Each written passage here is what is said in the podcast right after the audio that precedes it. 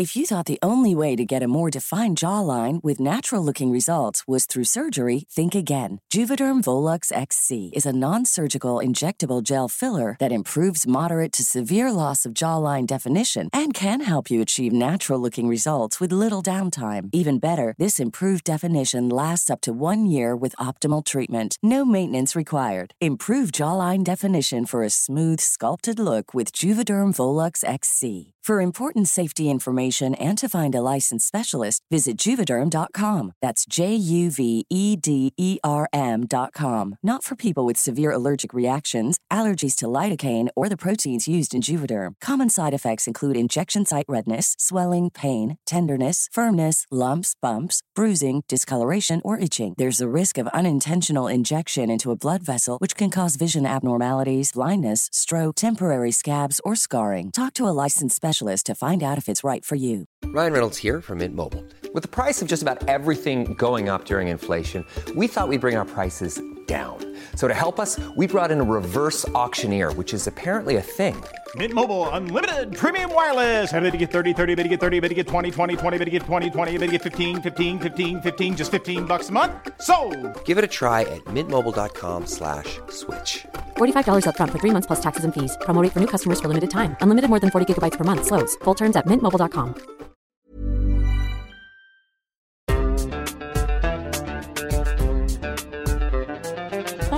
بودكاست صوت. للتنويه. تحتوي الحلقة على وصف لمحاولة انتحار. يمكن تكون مزعجة لبعض المستمعات والمستمعين. صالة أحد المستشفيات القريبة من مخيمات النازحين إدلب سوريا عام 2020 عجقة مرضى ومرافقين عم يستنوا أدوارهم بالفترة المسائية. بتوصل صبية بأواخر العشرينات بحالة طارئة وهي عم تصرخ وتبكي رافضة أنها تدخل المستشفى. الصبية لابسة غطاء أبيض مليان دم. معها أمها اللي عم تسحبها لجوا وهي ضاغطة على إيدها لتوقف النزيف. بعد لحظات بيوصل الطبيب وبدخلها على غرفة العمليات. المشهد بشد عيون الموجودين. أما الأم الواقفة بينهم فعم بتبرر. بتقول إنه بنتها كسرت صحن وهي عم تجلي وجرحت إيدها.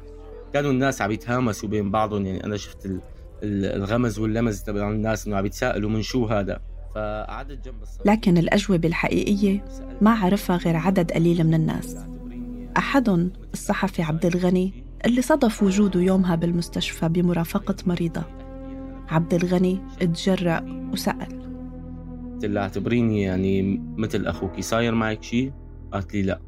قلت لها رح أرجع أسألك يعني مرة ثانية صاير معك شيء أحكي يعني أنا كنت شاكك إنه في موضوع إنه معرضة للعنف أو ما شابه.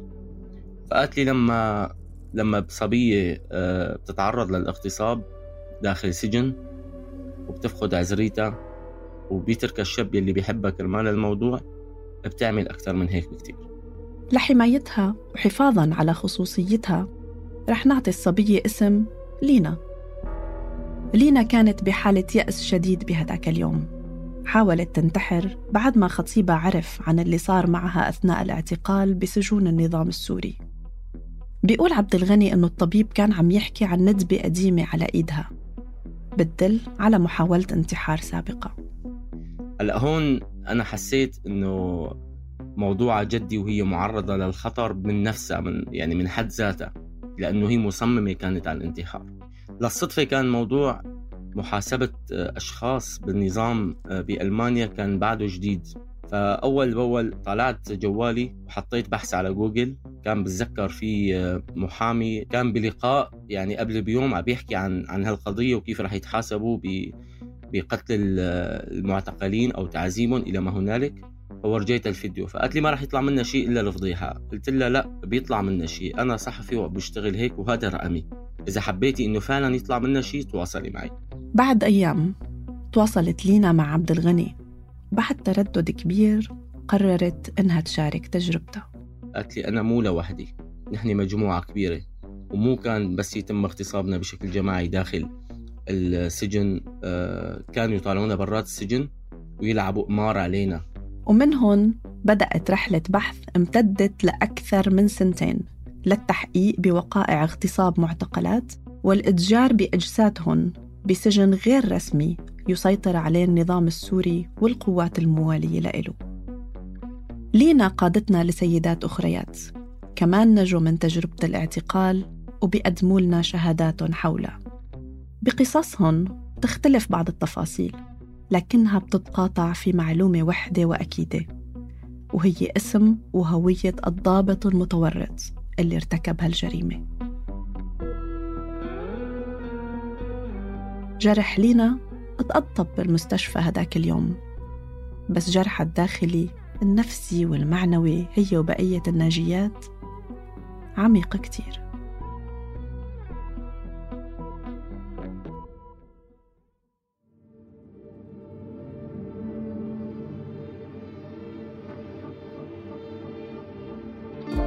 قال لعناصره يسكروا الباب. وطلعوا لبرا العناصر سكروا الباب علينا. هون أنا كنت بحالة وبترجعهم إنه بس يخلوني ألبس ثيابي إنه أتستر فبيقول لي أخت المنشقين لازم نتحرش فيها ونعتدي عليها. وهون بيعتدي سجن معسكر جورين. بالأطراف الشمالية الغربية لمحافظة حما. بالداخل ليلا بيختار السجانين معتقلات بيربطوا لهم إيديهم بيغطوا لهم عيونهم وبيقودوهم من المهاجع والزنازين لبوابة المعسكر للمكان اللي بتوقف فيه شاحنة نقل الطعام بانتظار ضحية جديدة. أخذوني خارج السجن بشاحنة كانت مثل البراد من كتر ما هي باردة. مشينا بالسيارة بالليل لمسافة يعني ما كانت بعيدة عن المكان اللي نحن فيه. ما كانت بعيدة ودخلنا لبيت سمعت أصوات رجال وكنت حاسة إيديهم عم تلمسني وأنا ماشية بيناتهم. بالآخر وصلنا لغرفة ناجيات من الاعتقال بقدموا شهاداتهم حول الإتجار بأجسادهم بأحد السجون غير الرسمية بسوريا. حول الانتهاك الجنسي اللي تعرضوا له بتفاصيل ما سبق وتوثقت من بداية الحرب. أنا زين الحيم وعم أقدم لكم سلسلة ماذا حدث في جورين من بودكاست أحراز. رح نسمع قصة لينا وبقية الناجيات بالحلقات اللي جاية. بس هلأ خلينا نرجع لعام 2011 للأخبار الأولى عن حوادث العنف الجنسي بسوريا.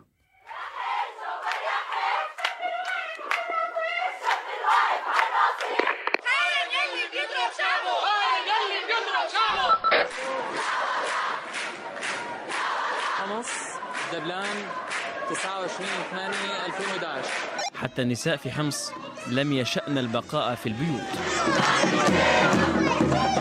بالأشهر الأولى من الثورة السورية بال 2011 كانت مقاطع الفيديو عم تنسرق سرقة لتوثق هتاف أو مظاهرة أو كلمة ضد النظام.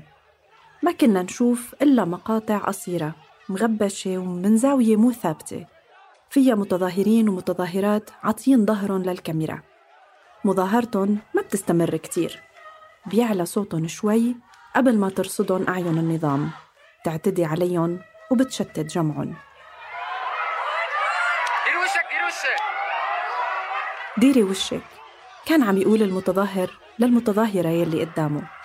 هاد أقل شيء ممكن تعمله لحتى تحمي حالها إنه تخفي هويتها قبل ما تمشي بالمظاهرة وتهتف. التظاهر بهذا الوقت كان مخاطرة كتير كبيرة. بيقدم عليها كل من قرر إنه يشارك بهي الثورة. ومع أنه الكل عرضة للاعتقال والضرب والاتهام بالعمالة على أقل تقدير كان في خطر محدق بالمتظاهرات والناشطات أو حتى قريبات الناشطين والمتظاهرين بس لكونهم نساء خطر معالمه بتصير أوضح مع الوقت. شهر ورا شهر تكبر الحركة الاحتجاجية بسوريا. رصاص الدولة عم يتصوب على صدور المتظاهرين والاعتقالات على أشدها الناس عم تتداول قصص عن الضرب وأساليب التعذيب المتنوعة وعن حالات العنف الجنسي الممارس على المعتقلات بالفروع الأمنية. كان عم يتم اعتقال النساء والإفراج عنهم بفترات قصيرة. يعني مو الناشطة الحقوقية سيما نصار بتشير لأحدى غايات النظام من هي الاعتقالات. لأن كانت الغاية هي نشر الأخبار شو عم بيصير بالسجن وإنه كل العالم تعرف إنه في عنف عم يتمارس على بعض النساء المحتجزات بالسجون.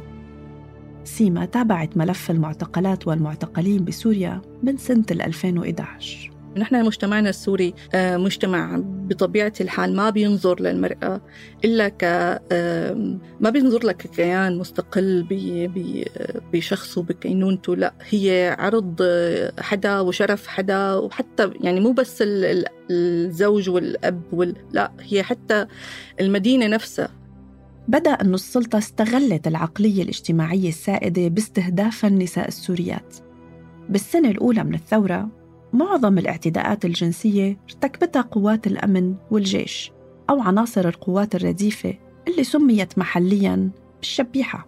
كان يصير العنف الجنسي علني لحد ما. يعني كان في آه، بلش باللاذقية بإدلب وبحمص بشكل رئيسي آه، اغتصاب النساء أو الاعتداء عليهم بشكل يعني مو مجرد عنف لفظي أو هيك لا أقسى وأحيانا اغتصابهم بشكل علني بحيث إنه يشوفون الأشخاص التانيين المعتقلين المحتجزين معهم لأنه كانت الغاية الترويع.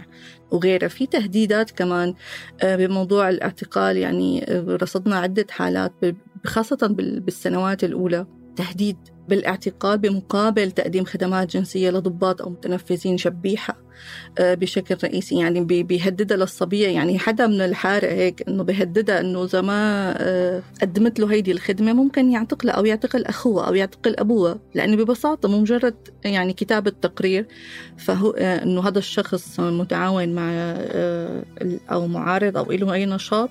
ففي حتى نساء اضطرت لتقديم خدمات جنسية من هذا النوع خوفا من اعتقالها أو من اعتقال أحد أهاليها هذا دفع النساء لعدم الاشتراك بالثورة ودفع أهاليهم أيضا لعدم آه، اشتراكهم للنساء بالثورة ولهيك شافت النساء حالها بوجه أهلها بمحل والنظام بمحل ثاني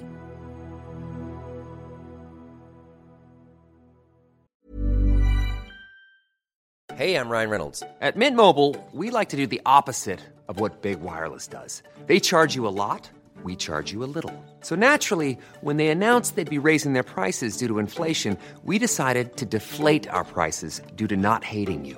That's right. We're cutting the price of Mint Unlimited from $30 a month to just $15 a month. Give it a try at mintmobile.com slash switch. $45 up front for three months plus taxes and fees. Promo for new customers for limited time. Unlimited more than 40 gigabytes per month. Slows. Full terms at mintmobile.com. If you thought the only way to get a more defined jawline with natural looking results was through surgery, think again. Juvederm Volux XC is a non surgical injectable gel filler that improves moderate to severe loss of jawline definition and can help you achieve natural looking results with little downtime. Even better, this improved definition lasts up to one year with optimal treatment. No maintenance required. Improve jawline definition for a smooth, sculpted look with Juvederm Volux XC. For important safety information and to find a licensed specialist, visit juvederm.com. That's J U V E D E R M.com. Not for people with severe allergic reactions, allergies to lidocaine, or the proteins used in Juvederm. Common side effects include injection site redness, swelling, pain, tenderness, firmness, lumps, bumps, bruising, discoloration, or itching. There's a risk of unintentional injection into a blood vessel, which can cause vision abnormalities, blindness, stroke, temporary scabs, or scarring. Talk to a licensed specialist specialist to find out if it's right for you. كل فعل له طابع جنسي مفروض بالقوة والإكراه يعتبر عنف جنسي. في طيف واسع من أنماط العنف الجنسي اللي مورست على الحواجز وبالأفرع الأمنية والسجون بسوريا. طبعا جميع الأنماط المذكورة هي أنماط يعني إحنا وثقناها التقينا مع ضحايا وتأكدنا من من وجود هي الأنماط. عم نسمع نور الخطيب مديرة قسم المعتقلين بالشبكة السورية لحقوق الإنسان. مثل التعرية القسرية إجبار النساء مثلا على خلع ملابسهم أثناء عمليات التفتيش أيضا التحرش أثناء عمليات تفتيش المعتقل كمان الضرب وتوجيه التعذيب نحو الأعضاء التناسلية الاغتصاب والتهديد بالاغتصاب. كثير من المعتقلات تعرضوا لهي التهديدات أثناء التحقيق. بيتم ابتزازها بيتم توجيه تهديدات لها انه إذا ما اعترفتي ما اعطيتي المعلومات. راح نغتص بك أو راح أخلي فلان يقرب عليك. إضافة طبعا العنف الجنسي اللفظي توجيه الشتائم اللي ذات دلالة جنسية أيضا نسبة كبيرة جدا من المعتقلات تعرضوا له. الابتزاز والاستغلال الجنسي اللي كان يصير أيضا ضمن ضمن ضمن مراكز الاحتجاز. الحرمان هو الثابت بمراكز الاحتجاز. الحرمان من الطعام الجيد الحرمان من استخدام الحمام أو الحصول على أغطية وملابس نظيفة. بعض السجانين استغلوه لابتزاز المعتقلات فهذا الحرمان حتى صار في إنه مقابل تقديم إنه أنا بعطيك مثلا ملابس جديدة أو بسمح لك تدخلي على الحمام مقابل تقدمي بعض الخدمات الجنسية أو بعض الطلبات الجنسية اللي كانوا يطلبوها العناصر أو الضباط على حد سواء. طبعا مو بالضرورة كل الناجيات من الاعتقال يكونوا تعرضوا للاغتصاب أو لعنف جنسي جسدي. كثير انشاع بالمجتمع إنه كل معتقلة هي تعرضت للاغتصاب وهذا غلط. لا نحن ما بننكر إنه ما صار لا صار في حوادث اغتصاب آه، في سيدات معتقلات تعرضوا لعمليات اغتصاب وفي طفلات حتى تعرضوا لعمليات اغتصاب. ولكن كانوا ضمن آه، مراكز احتجاز محددة وحدث يعني ضمن أعوام محددة. عموما توثيق الجريمة الجنسية مهمة صعبة. نظرا لحساسيتها وتبعاتها مجتمعيا ونفسيا. مو كل الناجين والناجيات خبروا شو صار معهم أو حتى كان عندهم الفرصة ليحكوا.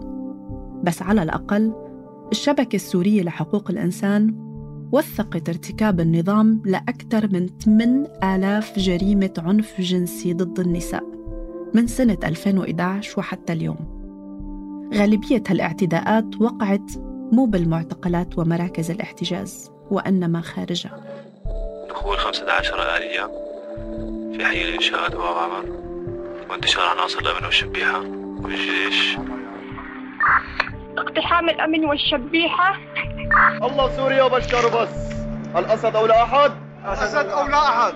الأسد أو نحرق البلد. رجالكم في سجوننا ونساؤكم على حجورنا. نقشت هالجملة على أحد الجدران خلال عملية برية عسكرية نفذتها قوات النظام بمنطقة درعا.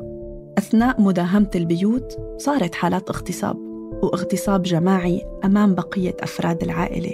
صداها أفزع بقية المناطق.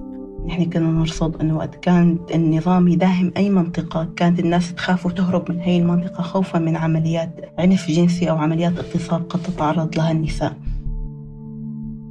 بالبيوت على نقاط التفتيش وبأماكن الاحتجاز نفذ الجنات جرائمهم الجنسية كوسيلة تحطيم وانتقام من المعارضين والمنشقين عن النظام السوري.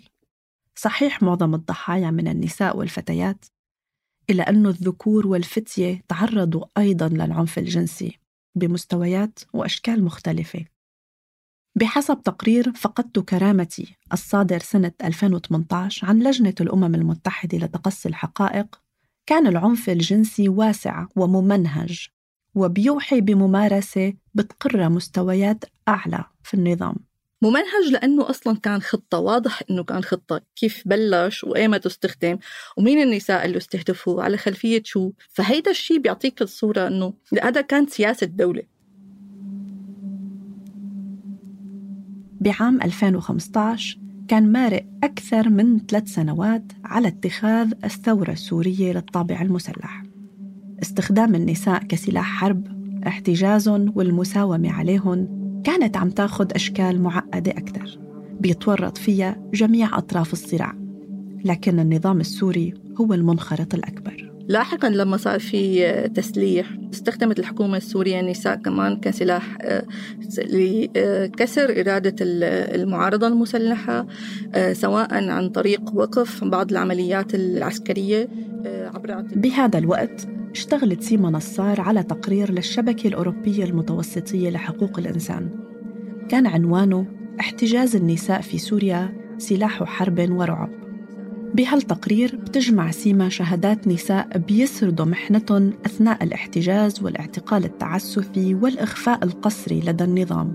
منهن نساء استخدمت كورقة ضغط لعمليات تبادل أسرى بين النظام والمعارضة المسلحة أو وسيلة ضغط لتسليم الأسلحة. إذا بنشوف كيف يعني تم مبادلة آه، سيدة من حمص بثمان بواريد مثلا. تم اعتقالها وأفرج عنها بمقابل تسليم أخوة من بواريد للأمن ببداية التسليح. كمان تم اعتقال نساء من درعا بمقابل تسليم معدات وأسلحة حربية لها علاقة ب كانوا مسيطرين عليها المعارضة المسلحة بمنطقة درعا. حتى أموال مبالغ مالية كانت انعرضت بشكل كتير كبير. ومع هيك رفضت الحكومة إلا أنه آه، استلام هيدي آه، المعدات. فهي حرفيا بشكل حرفي تم استخدام النساء كسلاح حرب. تم اعتقال كمان زوجة مورد أسلحة بداريا بمقابل وقف عملية توريد السلاح. فهذا شو اسمه؟ يعني الامرأة ما أي خصة أبدا أبدا لا بنشاط ولا بشيء حتى هي منفصلة عن زوجها يعني عايشين كل حدا بمنطقة مختلفة هو برا. بس هو مورد سلاح وتم اعتقاله لزوجته للضغط عليه لتوقيف صفقة السلاح. غير أنه اتصالات من قبل عناصر الأمن مع أهالي يعني عنصر بالجيش الحر أو عنصر برا حتى آه، شخص برا إنه بيقولوا له إنه بيعرضوا عليه يعني تسليم نفسه بمقابل الافراج عن السيدة اللي بتخصه. النظام والقوات الموالية تربحوا ماليا من ابتزاز عائلات المعتقلين والمعتقلات. مقابل الإفراج عنهم تحسين أوضاعهم بالاعتقال أو السماح بزيارتهم على الأقل. وإذا بدنا نحكي عن الاستفادة المادية فهو من أول لحظة لا تاريخ اليوم. بمجرد اعتقال أي سيدة فأهلها أول شغلة بيفكروا فيها هو دفع مصاري قبل ما تحال لدمشق أو تحال لمحكمة أو أو أو. فهو دائما كان عم يتم استخدامه لمكاسب مادية. يعني بدك تعرض اللي فوقك واللي تحتك لحتى تنقذ الصبية من من هيدي التجربة. فايه يعني هو كان مصدر دخل يعني بكتير أوقات. حتى حتى نساء طلعوا بمبادلات. تبين لاحقا إنه هن فوق موضوع إنه هن طلعوا مبادلات. كمان كان أهلهم دافعين لهم مصاري لحتى يطلعوا. بمطلع سنة 2021 أصدرت رابطة معتقلي ومفقودي سجن صيدنايا تقرير بنته على أكثر من 500 مقابلة مع عائلات سورية. بيقول هالتقرير أنه بعد عشر سنوات من الثورة النظام السوري جنى حوالي 900 مليون دولار من عمليات الابتزاز الشبيهة.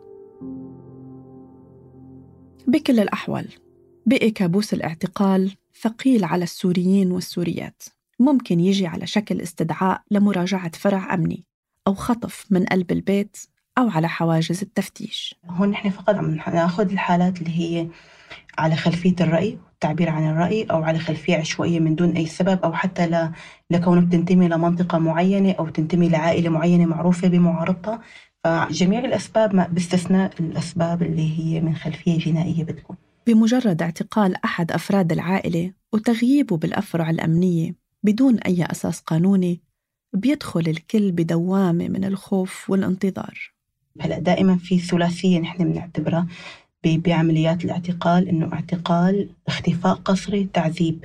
هدول دائما موصولات ببعض. يعني كل معتقل أو الغالبية العظمى من المعتقلين هن آه، تعرضوا للاعتقال من تعرضوا للتعذيب من اللحظة الأولى. من اللحظة الأولى لاعتقالهم تم ضربهم تم سحلهم تم تمت إهانتهم لحين وصولهم لمركز الاحتجاز أيضا بمركز الاحتجاز تضاعف عمليات التعذيب بيتعرضوا لإختفاء قسري بسوريا. المختفين قسريا وصلت أعدادهم ل 80 ألف شخص. غيرهم اختفوا مؤقتا قبل الإفراج عنهم أو تحويلهم لأحد السجون المركزية. طبعا السجن الأكبر اليوم اللي بضم أعداد آه، نساء هن هو سجن عدرا المركزي بريف محافظة دمشق وأيضا سجن آه، حمص المركزي. وباقي السجون المركزية طبعا كلها فيها أجنحة لاحتجاز النساء ولكن هدول هن بشكل آه، رئيسي بحمص وعدرا. وجود المعتقلين بأماكن معلومة مثل الأفرع الأمنية أو السجون المركزية ممكن أنه يكون مصدر اطمئنان لأسرهم. لكن ماذا لو غيبوا بمعتقلات غير رسمية؟ السجون الرسمية ممتلئة بعشرات آلاف المعتقلين وجدرانها ما عم توسع. مدارس، ملاعب، قواعد عسكرية وفلل. مساحات عم تتحول لمقرات اعتقال سرية وغير رسمية. بيتجمع فيها المعتقلين والمعتقلات اللي قد يحالوا لمراكز الاحتجاز الرسمية خلال فترة قصيرة وقد يطول بقاء أو حتى تنقطع أخبارهم. وقت عم نحكي نحن هون عن مركز احتجاز غير رسمي فدائما بيكون في تصعيد بكل أنواع الانتهاكات سواء كتعذيب كتصفية كعنف جنسي كغيره. القلق الأكبر إنه دائما أعداد الناجين من هي المراكز بيكون جدا قليل. دائما مصير المعتقلين بيكون غالبا إما تصفية أو ابتزاز عائلاتهم بمبالغ يعني غير منطقية مبالغ يعني ضخمة جدا. بتتبع هي المراكز غير الرسمية لأجهزة المخابرات والأمن. أحياناً مع نفوذ لقوات الدفاع الوطني واللجان الشعبية الموالية للنظام السوري واللي عرفت بالبدايات بالشبيحة. دائما في قناعة راسخة عندنا كلياتنا وعند المجتمع السوري إنه نسبة النجاة قليلة. هذا الشخص هو معرض لكل أنواع الانتهاكات وما في أي جهة ممكن تلجأ لها حتى أنه تساعد بعمليات أو بإخراج هذا المعتقل أو المعتقلة من هذا المكان. المغيبات والمغيبين بالسجون غير الرسمية عرضة لانتهاكات فظيعة ما إلها حدود. والجاني ضامن الإفلات من العقاب داخل سوريا وخارجها. في انتهاكات وثقت وفي انتهاكات ماتت مع ضحاياها وفي انتهاكات عم بتعيش مع ناجين وناجيات خلوها بسر ولسه ما حصلوا على الفرصة ليحكوا عنا بأمان ومن دون عواقب.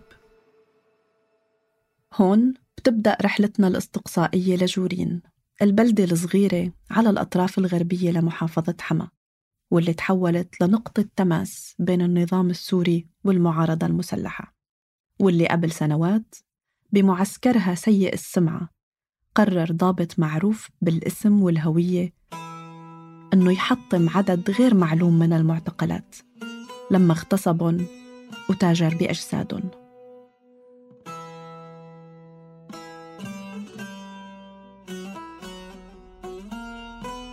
بالحلقة التالية بياخدوني على مكتب تحقيقات وبيسألوني عن أخواتي المنشقين. فقال لي لا تخافي اللي مو عامل شي بيطلع دغري بنطالعه فورا. بس أنا ما كنت مطمنة لكلامهم لأنه هن ما بنوثق فيهم حتى. كانوا يجمعوا المعتقلين آه، ضمن هذا السجن.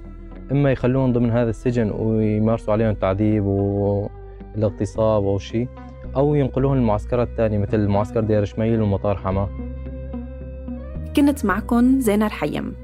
فريق الإنتاج بصوت تولى الإعداد والكتابة والهندسة الصوتية. من الإعداد الميداني عبد الغني العريان ومن البحث زينة يوسف. أخفينا هويات الناجيات لحمايتهم من أي خطر أمني أو مجتمعي. وسمعنا شهاداتهم بأصوات مؤديات. سلسلة ماذا حدث في جورين أنتجت بالتعاون مع الوحدة السورية للصحافة الاستقصائية. سراج بإشراف علي الإبراهيم. بإمكانكم تطلعوا على النسخة المكتوبة من التحقيق على موقع درج. تركنا لكم الرابط بالوصف. بودكاست أحراز من إنتاج صوت.